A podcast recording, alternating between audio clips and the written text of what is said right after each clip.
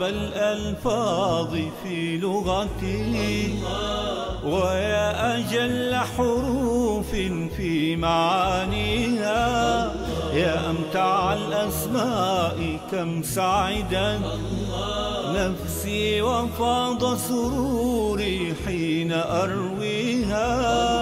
أنسي وبستاني وقافيتي يا زينة الدنيا وما فيها. يرتاح قلبي حين يسمعها وحين أبصرها نقشا وأمليها.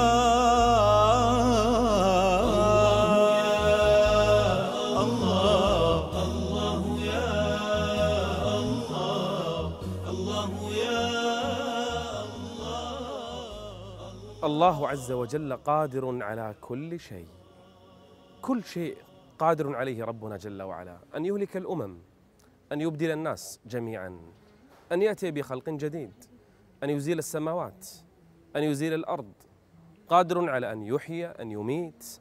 هذا قارون. لما تحدى الناس وقال إنما أوتيته على علم عندي نصحوه. ابتغي فيما آتاك الله الدار الآخرة.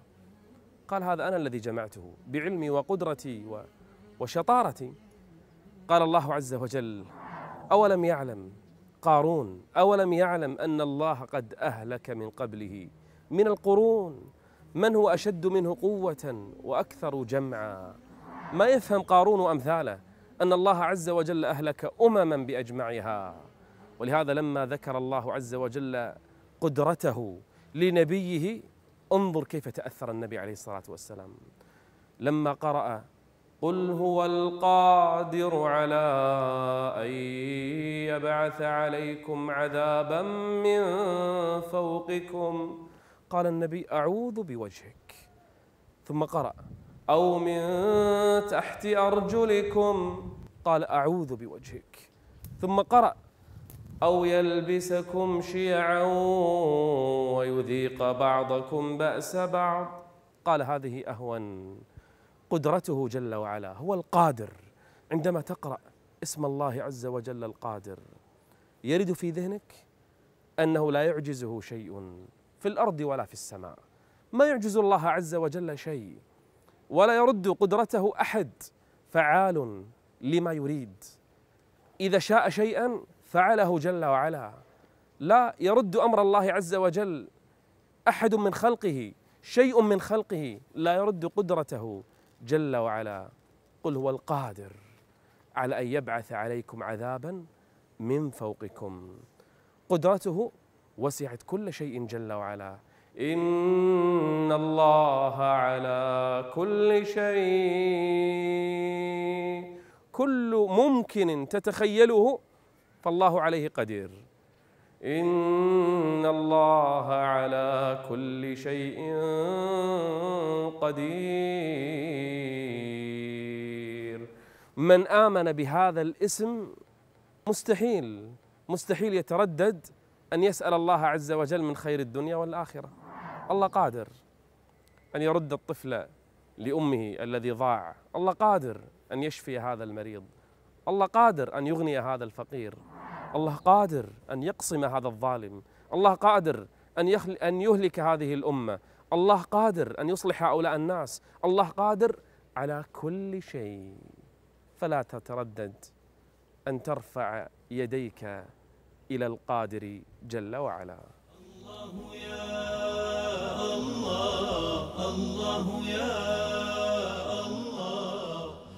مقتدر.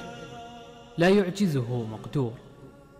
أوجد من العدم كل موجود وبقدرته دبرها وسواها وأحكمها.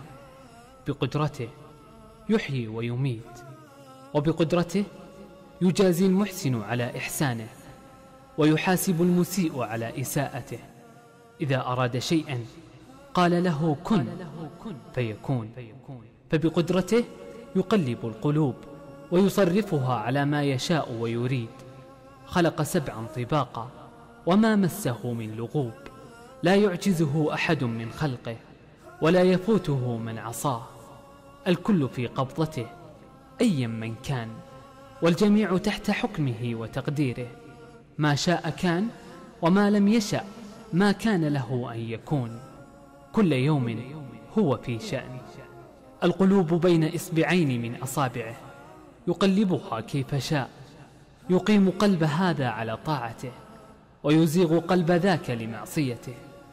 يملي للظالم وإن شاء أهلكه فإن أخذه لم يفلته.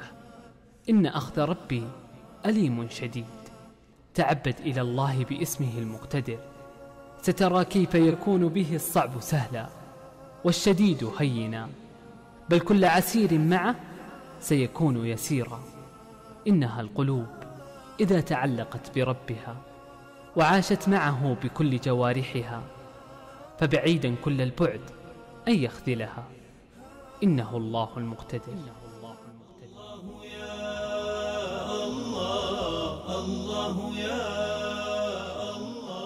لما أنزل الله عز وجل قوله يوم يسحبون في النار على وجوههم صعب كيف الإنسان يسحب؟ ويمشي على وجهه. سئل النبي صلى الله عليه وآله وسلم كيف يمشي الناس على وجوههم؟ فرد عليهم عليه الصلاة والسلام قال أوليس الذي أمشاهم على أرجلهم؟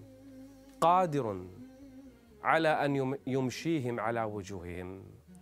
الذي لا يفهم ولا يعي ما معنى اسم الله القادر قد يتعجب من هذه الآية. لكن من آمن بأن الله عز وجل قادر على كل شيء لن يعجب أن يمشي الكافر على وجهه في جهنم كما مشى في الدنيا على رجليه لأن الله على كل شيء قدير. الله سمى نفسه قادرا وسمى نفسه قديرا وسمى نفسه مقتدرا ليوقن الناس كلهم أن الله لا يعجزه شيء. وإنا على أن نريك ما نعدهم. على أن نريك ما نعدهم لقادرون. شفت أمم الكفر هذه التي تدعي القوة المطلقة والتي تظن أنه لن يعجزها شيء؟ شفت هذا الذي صنع سفينة وقال أنها لا يستطيع أحد أن يقهرها حتى الرب. أرأيت هؤلاء الذين صنعوا أسلحة نووية ظنوا أنهم مخلدون وأنهم باقون؟ ما فهموا اسم الله القادر. وإن على أن نريك ما نعدهم لقادرون. الله قادر. ذلك المجنون الذي جاء للنبي صلى الله عليه وسلم فتت العظم ويقول له أتزعم يا محمد أن ربك يعيد هذا؟ لأن ما يفهم اسم الله القادر. ما يفهم هذا المجنون أن الله خلق سماوات؟ مهما تصورت تصورت ما معنى السماوات لن تتخيل حقيقتها. سماوات عظيمة عظيمة. والله حتى الخيال يعجز عن تصورها. حتى الآن العلماء يتكلمون عن جهة واحدة فقط في الكون لكن الكون كله ما توصلوا إليه. كيف بالذي خلق السماوات العظيمة جدا جدا جدا التي لا تصورها حتى عقل يسأل عن عظم الله يعيده.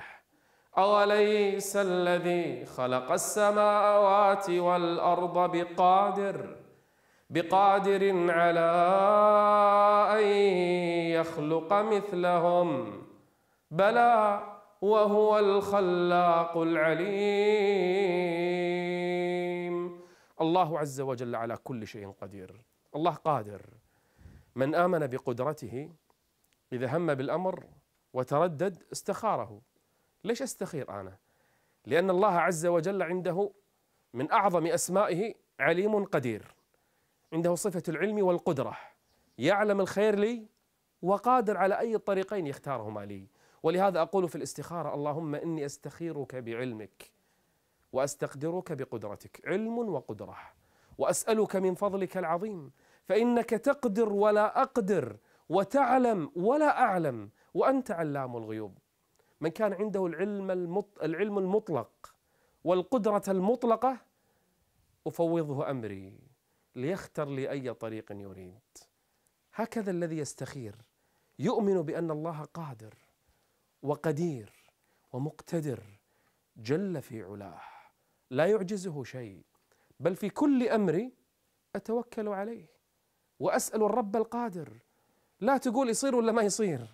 إذا كان الأمر ممكنا وجائزا فادعوا الله واطلبه فإن الرب عز وجل قادر لا يعجزه شيء.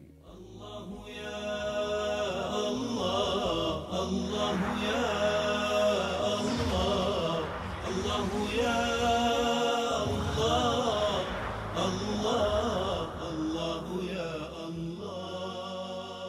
كان النبي صلى الله عليه وآله وسلم إذا قام الليل صلاة القيام التهجد كان يدعو بعدة أدعية في الاستفتاح. منها هذا الدعاء الجميل. وانظروا إليه صلى الله عليه وآله وسلم توسل بأي اسم من أسماء الله جل وعلا في صلاة قيام الليل.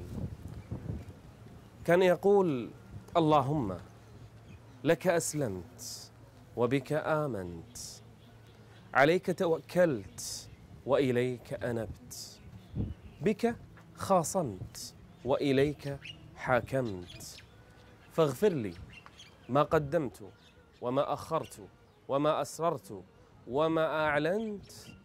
أنت المقدم وأنت المؤخر. لا إله إلا أنت. فما اعظم هذا الدعاء. جامع مانع شامل لكل المعاني. معاني الألوهية والعبودية لله عز وجل. وتوسل بأي اسم؟ قال أنت المقدم وأنت المؤخر.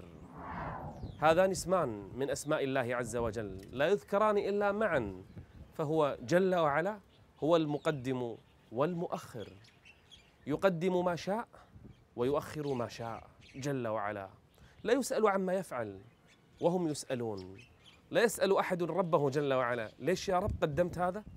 وأخرت هذا. هناك تقديم كوني. يقدم الليل على النهار. تقديم كوني. النبات يبدأ صغيرا ثم ساق وأوراق وأزهار وثمار. تقديم كوني. يبدأ الإنسان نطفة ثم علقة ثم مضغة ثم يكسو العظام لحما. يقدم شيئا على شيء. يؤخر شيئا على شيء. هذا تقديم كوني. لا أحد يعني يعترض عليه أو يناقش فيه. وكذلك هناك تقديم شرعي يفضل هذا على هذا. يقدم يوما على يوم ويقدم انسانا على آخر ويقدم زمانا على زمان ويقدم مكانا على مكان. أنت المقدم وأنت المؤخر. خلق الخلق فاصطفى بعضهم على بعض. ثم أورثنا الكتاب الذين اصطفينا من عبادنا فمنهم ظالم لنفسه ومنهم مقتصد ومنهم سابق بالخيرات بإذن الله. فما أجمل أن يتذكر هذا المعنى من يقوم الليل فيتوسل بهذا الاسم. أنت المقدم. وأنت المؤخر. كم قام الليل من إنسان وكم نام عن قيام الليل من إنسان. كم تقدم إنسان في حفظ القرآن وكم تأخر آخرون. كم تقدم بعض المحسنين فتصدقوا وكم أمسك البعض وتأخروا. أنت المقدم وأنت المؤخر. لا إله إلا أنت. الله يا الله الله يا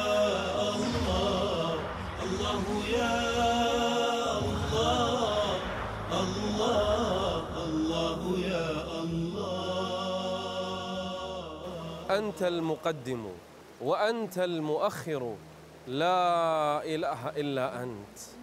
هذا في دعاء النبي صلى الله عليه وآله وسلم. هو المقدم جل وعلا. لا مقدم إلا من قدمه الله ولا مؤخر إلا من أخره الله جل جلاله. قدم أياما على أيام أخرى وقدم شهورا على أخرى قدم ساعات على ساعات. قدم من البشر على آخرين قدم أنبياء على غيرهم. يقدم من شاء ويؤخر من شاء.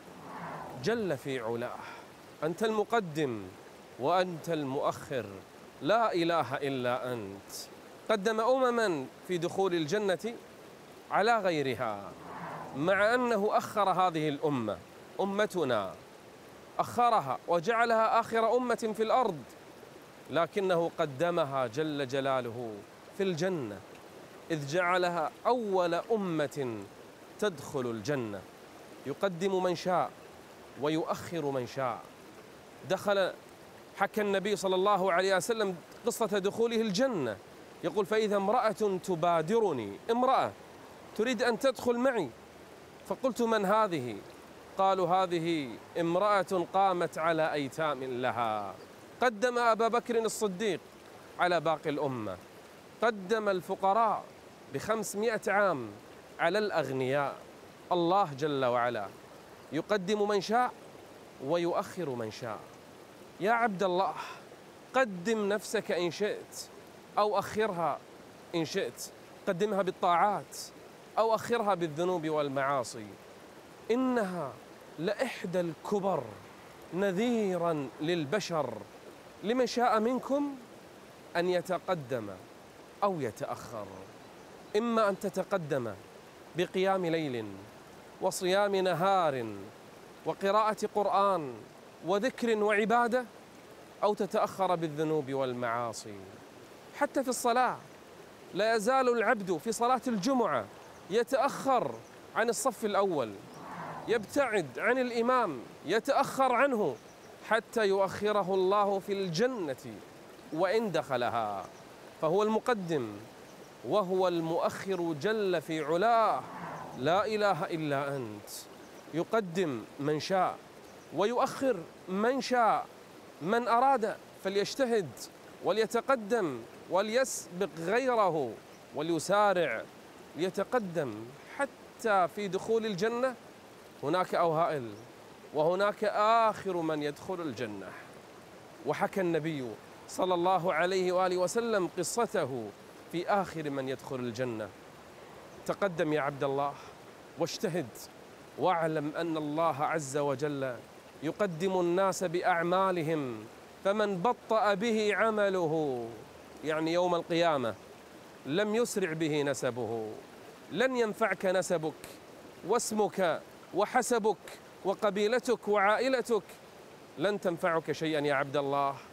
إنما الذي سينفعك هو عملك وعملك الصالح بعد إيمانك بالله جل جلاله. الله يا الله الله يا المقدم والمؤخر. حياتنا هل تخلو من تقديم أو تأخير؟ هل ذقت مرارة التأخير تارة أو التقديم تارة أخرى؟ هل تسير حياتك كما تريدها أو تشتهي بلا أي تأخير أو تقديم؟ بالتأكيد لا تعلم لماذا؟ لأنه المقدم سبحانه والمؤخر إنها سنن الحياة الثابتة في الكون التقدم والتأخر أما الله جل وعلا فهو المقدم وهو المؤخر. المنزل للأشياء منازلها. يقدم ما يشاء منها ويؤخر ما يشاء. قدم المقادير قبل أن يخلق الخلق. قدم من أحب من أوليائه على غيرهم من عبيده. قدم الطائعين وأخر العاصين. قدم بتوفيقه من شاء إلى مقامات السابقين. وأخر من شاء عن مراتبهم وثبطهم عن الآخرين. لا مقدم لما أخر ولا مؤخر لما قدم. قف مع نفسك. إن تكاسلت أو فترت لعل الله كره انبعاثك فثبطك. والله إنه لمؤلم ومحزن أن يؤخرك الله عن طاعة يحبها. أو قربة ترتفع بها. إنه محزن ومؤلم أن يقدمك الله لعمل يبغضه أو ذنب يمقته. يمم قلبك لخالقك. واسأله باسمه المقدم أن يقدمك لخير يحبه. ثم اسأله باسمه المؤخر أن يؤخرك عن ذنب يبغضه. يتردد في خواطرنا. لماذا حصل هذا القدر؟ في مثل هذا الوقت. تقدم فلان صاحبك في مقاعد الدراسة وتخرج. وتأخرت أنت. تزوج فلان الأصغر منك سنا. وتأخرت أنت. تماثل أحدهم للشفاء بعد العلاج. وتجرعت أنت ألم المرض. أنجب فلان وتأخرت أنت. أتعلم لما يحصل كل هذا؟ إنه الله المقدم والمؤخر. ثق تماما أن التقديم والتأخير يحمل في طياته الحكم. وأي حكم؟ إنها الحكم العظيمة التي ربما قد خفيت علي. لا تحزن لا تيأس. الله قد أخر رزقك لكنه قد قدم لك نعما عظيمة لا تعد ولا تحصى. يكفي أن الله عز وجل هو المقدم وهو المؤخر.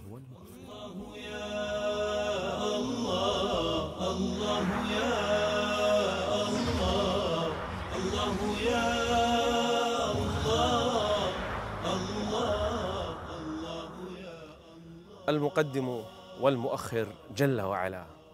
قدم اناسا وأخر آخرين. فالحق والإيمان والعقيدة أن نقدم من قدمه الله ونؤخر من أخره الله جل وعلا.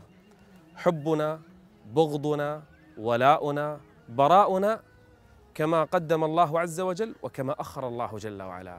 نقدم من قدمه الله ونؤخر من أخره الله ولو كان أقرب الناس لنا. ونقدم من قدمه الله ولو كان أبعد الناس منا. أم حسب الذين اشترحوا السيئات؟ أن نجعلهم كالذين آمنوا وعملوا الصالحات سواء محياهم ومماتهم ساء ما يحكمون. أفنجعل المسلمين كالمجرمين؟ ما لكم؟ كيف تحكمون؟ بل حتى في أهل الإيمان نقدم من قدمه الله جل وعلا ونؤخر من أخره الله. هذا الإيمان بالمقدم والمؤخر. كان النبي صلى الله عليه وسلم في دفن الشهداء يقدم من قدمه الله في القرآن لأن الله عز وجل قدمهم. هكذا نؤمن باسم الله المقدم والمؤخر. عمر بن الخطاب رضي الله عنه.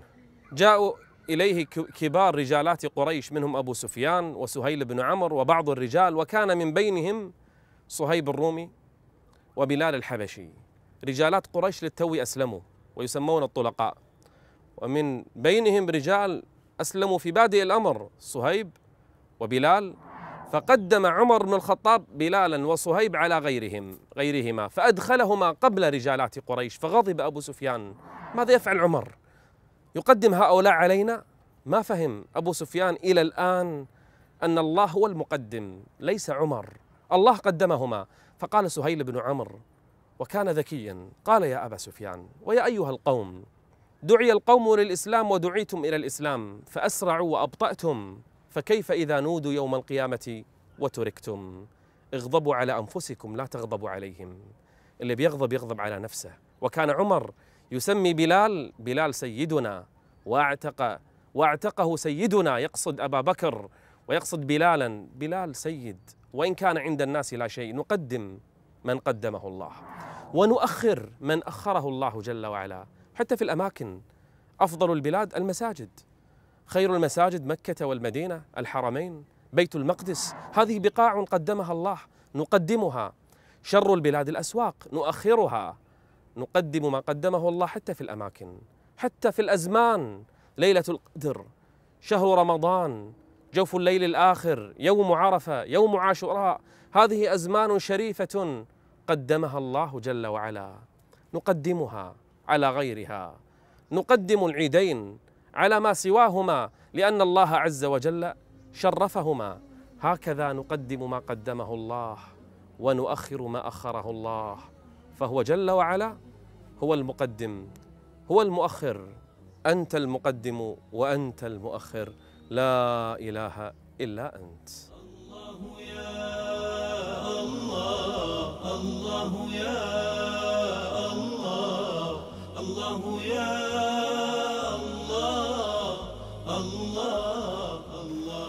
رجل في الزمن القديم لم يعمل خيرا قط. لما اقتربت وفاته نادى أبناءه. قال يا بني إذا أنا مت فاحرقوني احرقوا الجثة. ثم فتتوني اجعلوا هذه الجثة رمادا. ثم ذروني في اليم في البحر. فوالله لئن قدر الله علي ليعذبني عذابا شديدا. فجمع الله عز وجل كل هذا. وأعاد جثته وجسده وأعاد الروح إليه فسأله ما حملك على هذا؟ قال خشيتك يا رب فغفر الله له. أو تشك في قدرة الله عز وجل وهو الذي سمى نفسه المقتدر. وكان الله على كل شيء مقتدرا. كل شيء الله عز وجل عليه مقتدر أين الأمم السابقة؟ أين الذين تحدوا ربهم؟ أين الذين نحتوا الجبال؟ أين أصحاب الجيوش والعروش؟ أين الذين ملكوا الدنيا شرقها وغربها؟ أين هم؟